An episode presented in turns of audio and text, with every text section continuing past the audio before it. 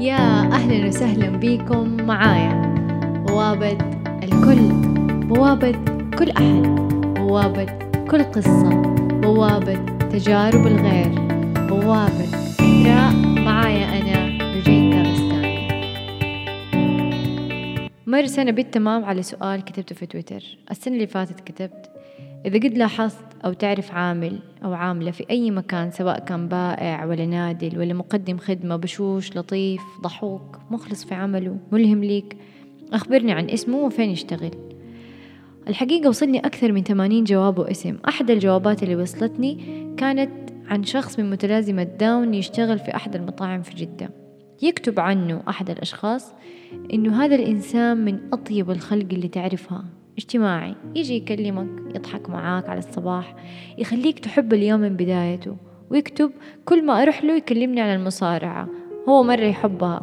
وحشني والله ولي كم يوم ما رحت له. تغريدتك حمستني أروح له أتفقده في الصباح الباكر. بعدها بيوم وصلني على الخاص أشخاص قرأوا تعليق هذا الشخص اللي كتب هذا الكلام وراحوا له زاروه ودخلوا سعادة على قلبه. وقفت كده وقفة وانتبهت على اللي صار وجلست أتأمل تأثير هذا الإنسان اللي كتب عن العامل في المطعم.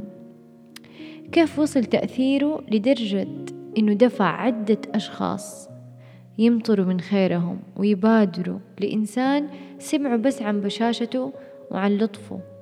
ودفعني هذا السلوك الجيد اللي حصل إني أسجل بودكاست وأتكلم. عن الإنسان والتأثير. كيف نظرتك للتأثير وقوته جدا محدودة إذا كنت حسب إنه التأثير جايز بس للمؤثرين؟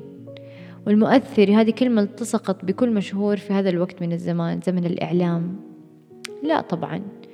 التأثير ما يقتصر بس على المشاهير ولا على أصحاب المناصب ولا على أصحاب الدرجات العليا ولا على الشهادات ولا على البريق واللمعة الاجتماعية. التأثير في الحقيقة مصاحب لكل إنسان. أيوة أنت اللي قاعد تسمعني أو أنت اللي قاعد تسمعيني. عندك تأثير وعندك تأثير. التأثير ما يعني بيه عدد متابعين كثير. التأثير يلازمك في كل مراحل حياتك وفي كل الأماكن اللي تكون فيها ومع كل الناس اللي تكون معاهم. طالما أنت عايش فأنت مؤثر.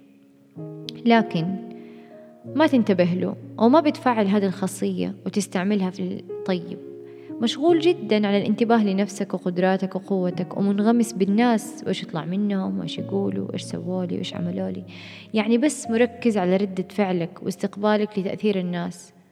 ومتناسي إنه عندك قدرة عظيمة على التأثير. فقط بكونك أنت.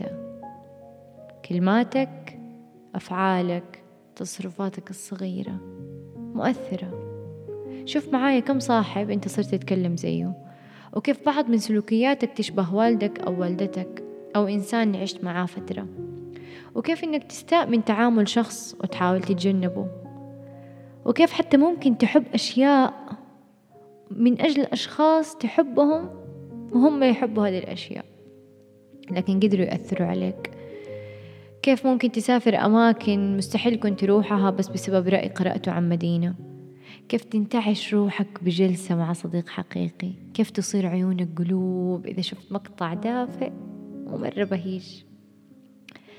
السيطرة على حياتنا حاجة نتمناها كلنا. لكن في عالم كل شيء يعتمد على بعضه البعض. ولا أحد مننا عنده سيطرة مطلقة على أي شيء. بما في ذلك في معظم الأوقات نفسنا. بالأحرى ما نمتلكه جميعا بوفرة هو التأثير الذي يبدو أن قوته تعمل بشكل خطي يعني كلما اقترب الآخرون شخصيا منا وجسديا زاد تأثيرهم علينا والعكس صحيح حتى مو بس الآخرون كجسم فيزيائي جنبنا حتى ممكن أشياء نحن نشوفها ونتفاعل معاها أو نسمعها. والأكثر إثارة للاهتمام على عكس محاولاتنا للسيطرة إن محاولاتنا للتأثير ما تتطلب نيتنا الواعية. فهذا الموضوع مرة خطير.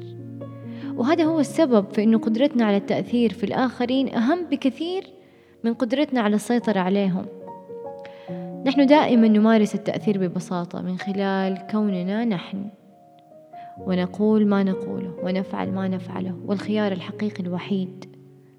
اللي لدينا ونملكه في هذه المسألة هو إذا ما كان هذا التأثير اللي نحن بنمارسه جيد ولا لا؟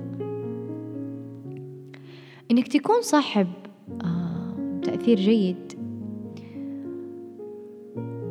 أنت ما تعرف أبدا مين يراقبك ومين يتبعك. دائما في شخص ما سواء كان طفلك ولا أخوك ولا زوجتك ولا صديقك أو غريب في سيارة أخرى موجود على الطريق. تنتقل له العواطف وحالات حياتك الداخلية زي الفيروسات من خلال أقوالك وأفعالك حتى من أهدائها الأصغرها ولا شيء يمكن أن يشجعنا مثل مثال جيد لشخص آخر. يعني إذا أنت كنت بتخلق قيمة في حياتك كن صاحب تأثير جيد. وتوقف وفكر إيش هي الخدمة الأفضل اللي ممكن أقدمها لشخص آخر غير, غير إني أنا أكون قدوة حسنة؟ وما هو بنية واعية و... وتكون مفتعلة أحيانا لما نحن نكون يعني جدا واعيين. لكن التحدي هو إن نحن ببساطة نبدأ نغير العادات البسيطة اللي نحن بنكون عليها عشان نحن ما إحنا جالسين بس بنأثر في نفسنا نحن كمان جالسين نؤثر في المحيط حواليننا. طيب إيش نسوي مع الناس السامة؟ صح بعض الناس سامة يشتكوا باستمرار ويثرثروا بدون توقف وحتى إنهم ممكن يخربوا على الناس التانيين بدون قصد أقدر أقول إنه في الأيام اللي نكون نحن فيها أقوياء بما يكفي مو بس نحن نتجنب الانجرار لأنماط سلوكهم المماثلة لكن كمان نحن نقدر نساعدهم على تجنب هذه السلوكيات السلبية يمكننا أن نكون بمثابة تأثيرات جيدة عليهم. في الأيام اللي نكون فيها أضعف من أنفسنا وبالتالي نكون أكثر عرضة للتأثيرات السلبية. وهنا يجب أن نتجنب مثل هؤلاء الأشخاص بأفضل ما يمكننا. والتجنب إذا ما كنا نقدر يكون تجنب فيزيائي نحن نقدر نقول تجنب داخلي تجنب فكري من الداخل. في ذهني لأنه من السهل مرة إن نحن لما نكون نشعر بالضعف إنه نحن نتدهور أكثر تحت تأثير سلبية شخص آخر فما نكون عاملين لنفسنا حصانة ذاتية داخلية. طيب كيف نحن ممكن نحول التأثيرات السيئة إلى جيدة؟ وهذا اللي نحن كلنا نبغاه لنفسنا وللآخر.